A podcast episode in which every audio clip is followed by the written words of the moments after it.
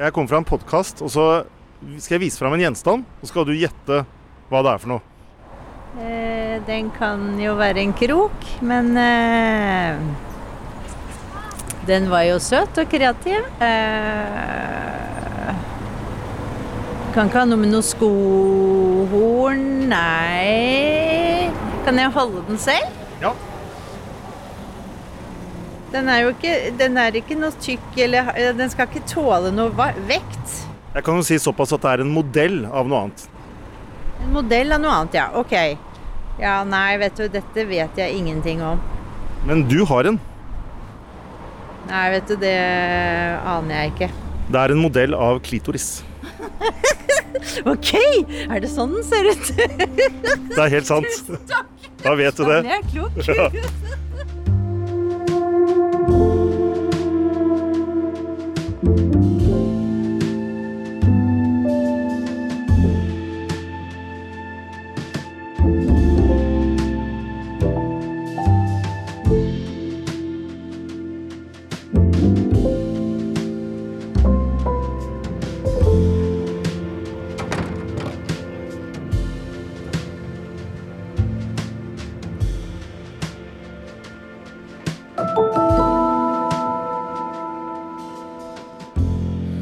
Velkommen til en ny episode av Sampotten, der vi i dag skal snakke om noe som halve befolkningen cirka har, som jeg vil hevde angår alle, men som veldig få vet hvordan ser ut. Og den som skal hjelpe oss til å finne ut av dette mysteriet, det er deg, Tyra Theodora Tronstad. Velkommen til Sampotten. Tusen takk. Og jeg heter Christian Kjelstrup og er redaktør i Samtiden. Du har med deg en modell av denne mystiske tingen vi skal snakke om. Du må fortelle hva det er. Ja, jeg har med meg en eh, 3D-printet modell av klitoris, sånn som klitoris faktisk ser ut inni kroppen. Den har jeg bestilt på internett og fått i posten eh, for en stund siden. Og ja, det er den jeg har skrevet om i samtiden. Du har skrevet i Samtiden, og vi skal snakke om teksten din, men først må du nesten visualisere for lytterne hvordan er det denne, i dette tilfellet, blå gjenstanden ser ut. Jo, det er en eh, Hva skal man si? En eh, modell av et organ som på en måte ligner kanskje litt på en pingvin, hvis man har den stående. Det er som en liten krok. Noen har snakket om det som en slags kleshenger. Altså Du har en, en liten krok helt øverst, og så har du fire typer bein som liksom sprer seg eh, nedover. Eh, sånn at det kan nesten se ut som den har to tykke og to tynne bein. Og så er den blå. Eh, Denne her, er- ja, denne her er fargen iskobolt, men det var rett og slett bare fordi naturfarge er litt vanskelig. Men eh, ja, jeg har bestilt en iskoboltfarget, eh, 3D-printet, anatomisk korrekt klitoris. Men Tyra Theodora Tronstad, du er til daglig forfatter. Du har skrevet eh, barne- og ungdomsbøker, lyrikk, eh, voksenbøker. eh, Kritikerprisen har du fått. Grunnen til at vi sitter her med din klitorismodell, det er at du plutselig fant ut at klitoris, det var noe du måtte skrive om i samtiden. Hvorfor det? Fordi jeg plutselig oppdaget at jeg ikke visste hvordan klitoris så ut. Og dette er noen år siden. Jeg oppdaget at jeg satt og så på internett og, og, og oppdaget at noen fortalte meg at klitoris er et stort organ. eh, Og ikke lite, som jeg alltid har trodd. Eh, Først så tenkte jeg oi, det var veldig rart og på en måte litt pinlig. Fordi jeg ser på meg selv som litt sånn Jeg er opplyst og kommer fra en opplyst kultur og studert på universitetet, født to barn. Altså, hvorfor skulle jeg ikke vite hvordan klitoris ser ut? Syns jeg var litt rart. Men den pinligheten den deler du med mange. Fordi du har vist frem denne modellen til, eh, til venner og kjente. Og hva er reaksjonene da? Ja, altså, jeg ville på en måte teste det, da. Er det bare meg, eller er det andre òg? og så bestilte jeg da den modellen, eh, for det er litt sånn fint å ha i veska, så kan du spørre vet du hva dette er. Og så gjorde jeg det. Eh, tok den med til venner og kjente, familie, andre folk, og spurte dem eh, Kjenner du denne formen? Har du sett det før? Og til min store forskrekkelse så hadde de aller, aller fleste som jeg snakket med, aldri sett det før. Ikke jeg heller, for du tok jo testen på meg. Og da, da får man litt sånn press på seg da, når noen spør en vet du hva dette er. Så følte jeg at å, jeg må jo vite hva dette er. Dette er sikkert noe viktig. Og så må du svare fort. Og jeg, jeg syns det så ut som en blanding av en kleshenger og et romvesen. Og det er altså noe som eh, halve jordens befolkning, og vel så det, går eh, rundt med i kroppen sin. Og det vi skal snakke litt om, det er jo hvorfor. Eh, hvorfor den er så usynlig i kulturen, for vårt indre blikk. Eh, men vi må også etablere noen eh, fakta. da, fordi du, eh, du, har jo på en måte vært en slags forsker. En slags oppdager i kroppens ikke kartlagte landskap. Ja. Det slår meg når vi ikke engang vet hvordan klitoris ser ut, så er det kanskje andre ting vi heller ikke vet. Hva er det du har funnet ut på din vei? Jeg lærte, jeg lærte, jo det, det, mest åpenbare først. At klitoris det er litt som et, is, en, et isfjell i havet. Det er bare en liten bit som syns på overflaten. Eh, og 90% er under, og det er usynlig for oss. Um, og at det er på en måte um, Den har én en eneste funksjon som vi vet om, og det er seksuell nytelse. Uh, og det gjør, jo, det gjør, den jo på en måte veldig betydningsfull og viktig. Uh, og derfor er det også enda mer oppsiktsvekkende at den formen er ukjent for oss. Fordi det betyr jo noe for hvordan den fungerer, hvor den sitter. Eh, så noe av det mest forunderlige for meg, som da jeg ikke, jeg er ikke forsker, på en måte, jeg, jeg er ikke medisiner, jeg er ikke kulturhistoriker Jeg er bare en person som jeg, som jeg skriver i den teksten. Jeg er en forfatter med en klitoris. Altså, jeg ville bare prøve å forstå um, hvordan det kan ha seg at vi ikke vet dette. Men også uh, hva er det egentlig? Ja, så det viktigste organet for seksuell nytelse, eller hovedorganet for seksuell nytelse. Og da betyr det jo noe hvis vi ikke vet hvor det sitter. Sant? Jeg fikk et lite sjokk eh, da jeg leste teksten din. Sjokk det er et ord jeg bruker sjelden. VG og Dagbladet bruker det ofte. Men jeg fikk et sånn minisjokk eh, da jeg leste at den eh, australske forskeren Helen O'Connell var den som først lagde en anatomisk studie av klitoris. Hun lagde en slags MR, eh, eller gjennomførte en MR-undersøkelse. Og dette skjedde jo for bare eh, skarve par tiår siden. Mm. Hun publiserte vel den første studien i 98, og så en ny studie basert på MR og illustrasjoner i 2005, og var da på en måte den som publiserte de første ordentlige bildene. Men det er jo ikke sånn at dette var et ukjent organ. Altså 1500-tallets eh, eh, forskere som skar i kropper og, og, undersøkte, de fant også klitoris. Eh, så den har på en måte vært oppdaget og avoppdaget og oppdaget og underkjent litt sånn underveis. Eh, sånn at det, er ikke et ukjent, det var ikke et ukjent organ, men hun var på en måte den som gjorde det i moderne tid. da. Eh, og gjorde det helt, helt sånn Den store, strukturerte studien. Men uh, heller ikke i respekterte Store norske leksikon så har klitoris i sin fulle størrelse, det som er under overflaten etter isfjellet, vært synlig. Det er litt forandret nå. Det skal vi komme tilbake til. Men først så må vi snakke litt om hva det tyder på i vår kultur og vårt samfunn at denne klitorisen slik den egentlig er, har vært ukjent for så få.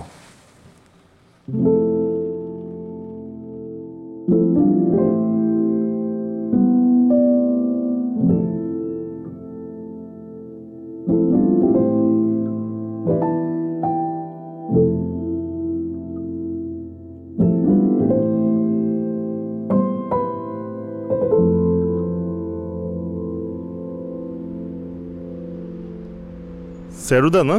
Hva tror du det er for noe? Du holder den opp ned. Det er en knagg. Det er ikke det. Har du noen andre forslag? En Pokémon. Er, er, det et kunstverk som uh, skal forestille en uh... Er det sånn sexleketøy? Ikke leketøy, men du er, du er, litt nærmere. Så det er, er, det noe medisinsk formål? Nei, det er en uh, modell av klitoris. Som på, på, på innsida, liksom? Eller? Yes. Ja. Okay. Men det er, det er sykt. Det er noe til å åpne en flaske med. Jeg har ikke hørt akkurat det forslaget før, men det er feil. Det er noe til å henge på i beltet, sånn at du kan eh, feste telefonen din i det. Er ikke det heller. Orker du et siste et? Jeg tror det er en, en pyntegjenstand. En slags eh, deprimert eh, struts. Deprimert struts, sa du. Det var, det var et av de beste forslagene i dag. Det er en modell av klitoris. OK. Ja, men flott. Da vet jeg det. Det kan se ut som noe jeg har sett og burde ha skjønt hva var. Nei, noe som står på et bord, tror jeg. Men det er typ sånn serviettholder eller uh, Ja, en slags type kunstferdig serviettholder, tror jeg. En kunstferdig serviettholder. Skal jeg si hva det er? Det er en modell av klitoris. Oi! det så jeg ikke komme. Å ja, det er en klitoris. Det visste du. Det visste nesten ingen andre. Hvordan visste du det? Jeg har lest en artikkel om det. En uh, veggkrok hvis du snur den opp ned? Det sier de fleste, men det er det ikke. Nei. Kan det være noe pynt, da? Rett og slett. Nei, ikke det heller. Det er ikke noe til å stikke ut noe med eller noe sånt? Nei. Tampen brenner. Jeg tror du har en. Ok. Hjemme, liksom? Det er noe man bruker hjemme? Skal jeg si det? Det er en modell av klitoris. I sin fulle størrelse. er det det?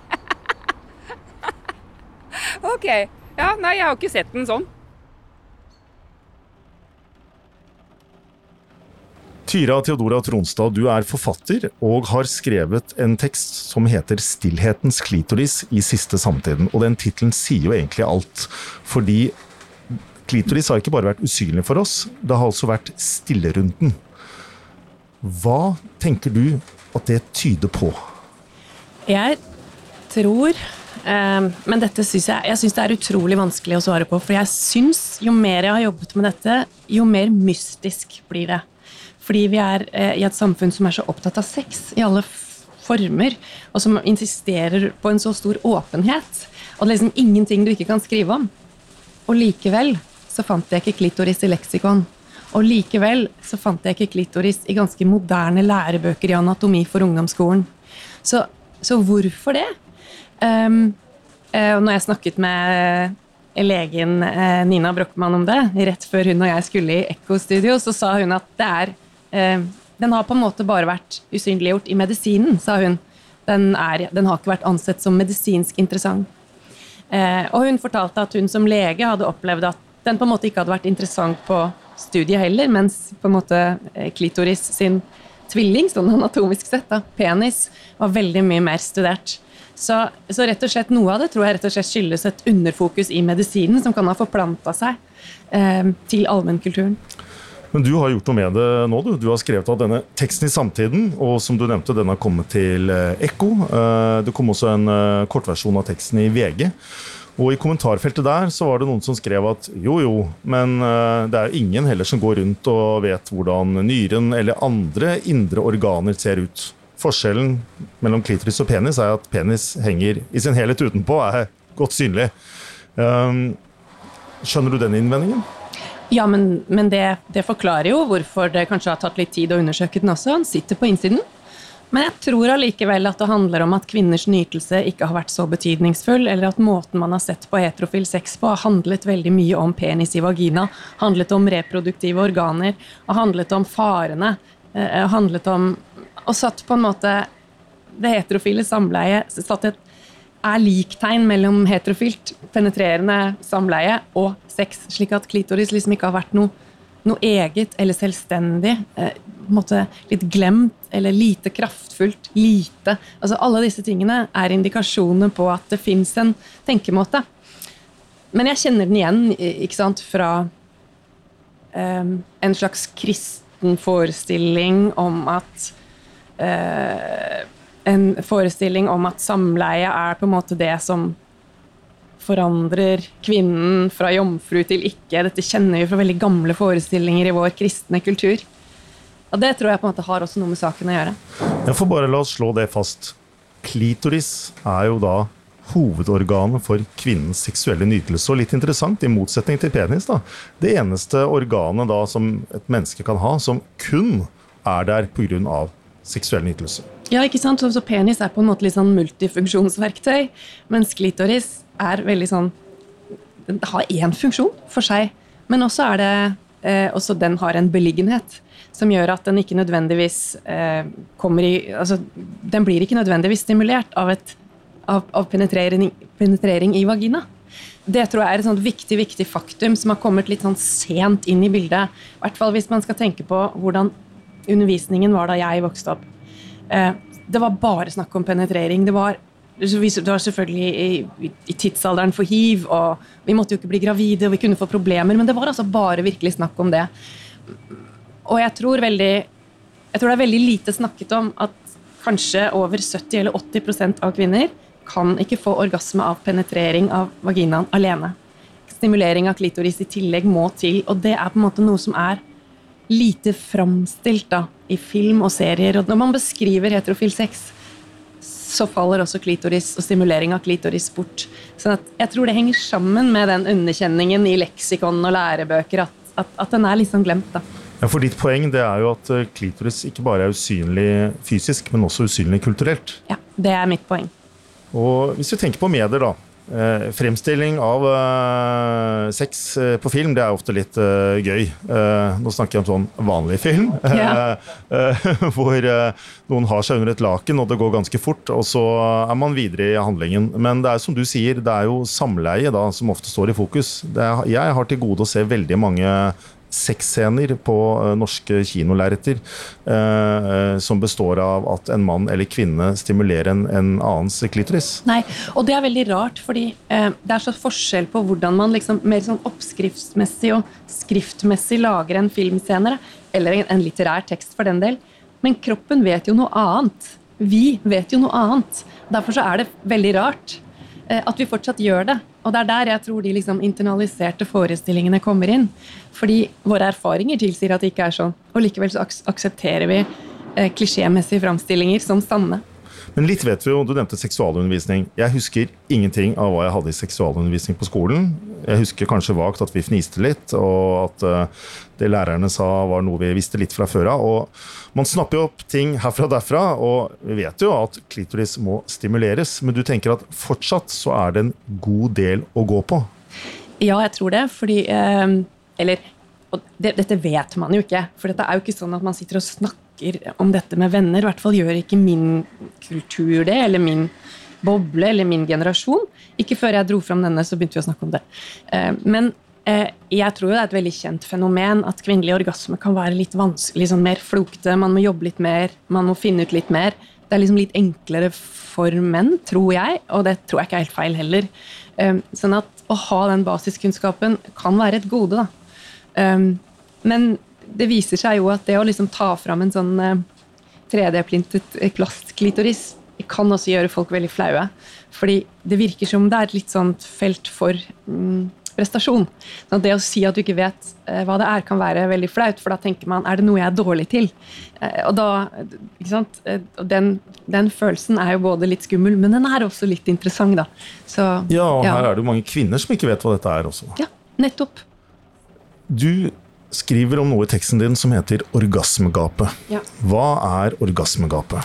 Orgasmegapet er på en måte den statistiske forskjellen det er i eh, orgasme i heterofile seksuelle relasjoner. At det i eh, statistisk sett er lettere for eh, menn å få orgasme i en heterofil sexsituasjon enn for kvinner. Og så er dette gapet litt ulikt. da. Eh, det er veldig stort ved tilfeldig sex. Eh, men litt mindre i langvarige forhold. Og det er ikke kjempestort, da, men det er, det er, på en måte et gap. Og så er det et gap mellom når kvinner har sex med menn, og når kvinner har sex med kvinner. Så når kvinner har sex med kvinner, så er ikke det gapet så stort. Da er det oftere, statistisk sett, at kvinner får orgasme. Eller når kvinner har sex med seg selv. Sånn at det er på en måte i, den, i det heterofile i heterofil sex fins det en slags bug, da. Eh, eller hva skal man si? Kanskje ikke orgasme alltid er hovedpoenget heller, det er ikke det jeg mener. Men det fins. Og jeg tror kanskje at en um, liten kjennskap til klitoris, eller hva man ikke vet, eller klarer å, klarer å snakke om, eller klarer å få ja, Jeg vet ikke. Jeg, jeg, tror disse tingene har noe med hverandre å gjøre. Uh, uten at jeg Jeg er jo ikke sexolog eller forsker, men det virker på meg som at det fins en sammenheng her. da. Det vi snakker om fundamentalt sett, Tyra Theodora Tronstad, det er jo at det i 2021 er blindsoner for oss, også i kulturen. Det skal vi finne enda litt mer ut av mot slutten av denne episoden av Sampodden.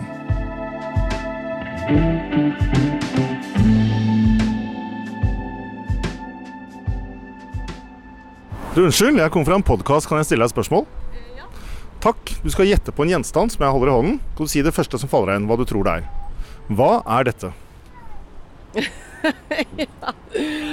Ja.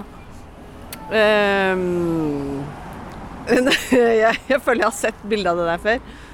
Uh, det er jo noe som minner om noe sånn eh, female body parts her. Ja, du er nok på sporet. Hva, hva, hva tror du det er, da? Nei uh... eh, Hva heter det da? Altså ikke vibrator, men noe sånn pleasure things. Jeg kan gi deg et hint. Det er ikke noe du bruker på kroppen, det er noe som er i kroppen. Eh, det aner jeg ikke. Det er en modell av klitoris. Ja, det er det. Men hva skal man bruke den til? det var det jeg lurte på.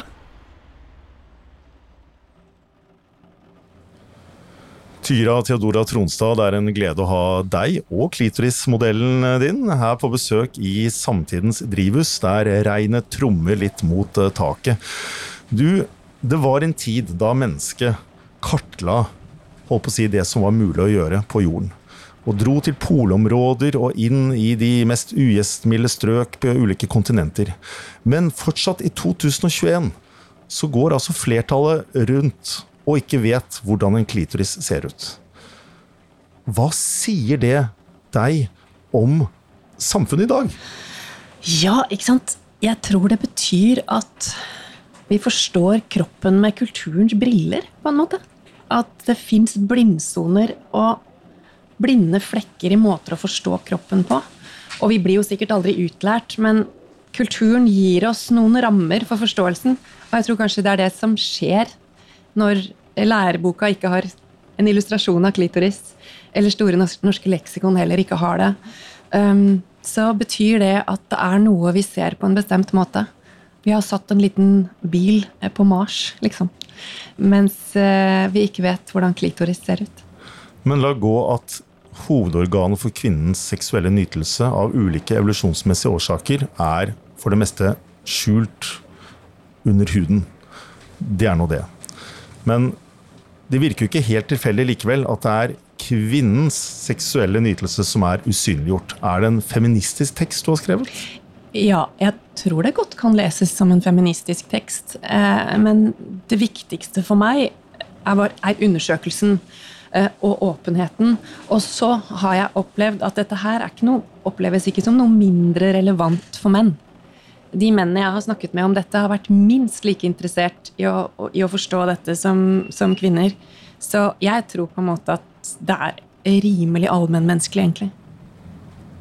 Du sammenligner klitoris med penis? Jo, men det er fordi de kommer fra det samme. Altså I cellene, i fosterets utvikling, så er penis og klitoris på et eller annet tidspunkt så like at de ikke kan skilles. Altså Man kan ikke se forskjell. Eh, så de kommer fra den samme de, er, de, kommer fra, utvikler seg fra den samme typen celler, så de er jo hverandres tvilling. Men mens den ene da ligger litt mer skjult, og den andre mer åpent, og har blitt forstått dramatisk forskjellig av den kulturen som, som skal forstå dem og undersøke dem. Og av generasjoner. Det den teksten din uh, utstyrer meg med, da, tenker jeg som leser, det er nettopp briller. En, en, en, uh, en slags uh, Eh, dytt til å forsøke å se det som er skjult, eller det vi lar ligge i det skjulte. Eh, når du skriver om klitoris på en måte som er øyeåpnende for mange, så slår det meg at da er det kanskje andre forestillinger der ute da, om vår egen kropp, noe så intimt, som er skjult for oss, eller som vi har mentale barrierer mot å ta inn.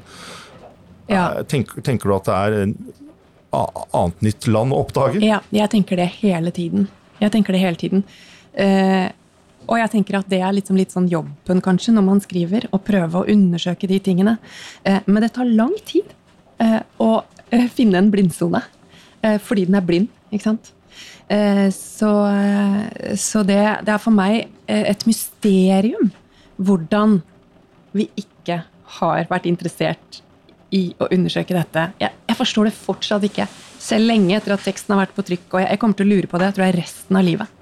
Men nå har det skjedd en forandring.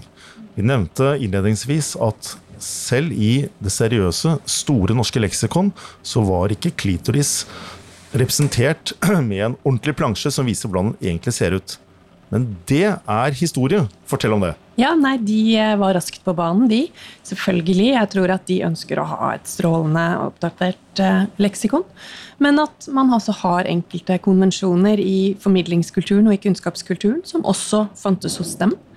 Eh, Men de var jo raskt på banen. Jeg tror de omtrent samme morgen som, det, som den kortversjonen av dette essayet sto på trykk i VG, så, så var det forandret på bare noen få timer. Så hvis man logger seg på nå, da, Ja.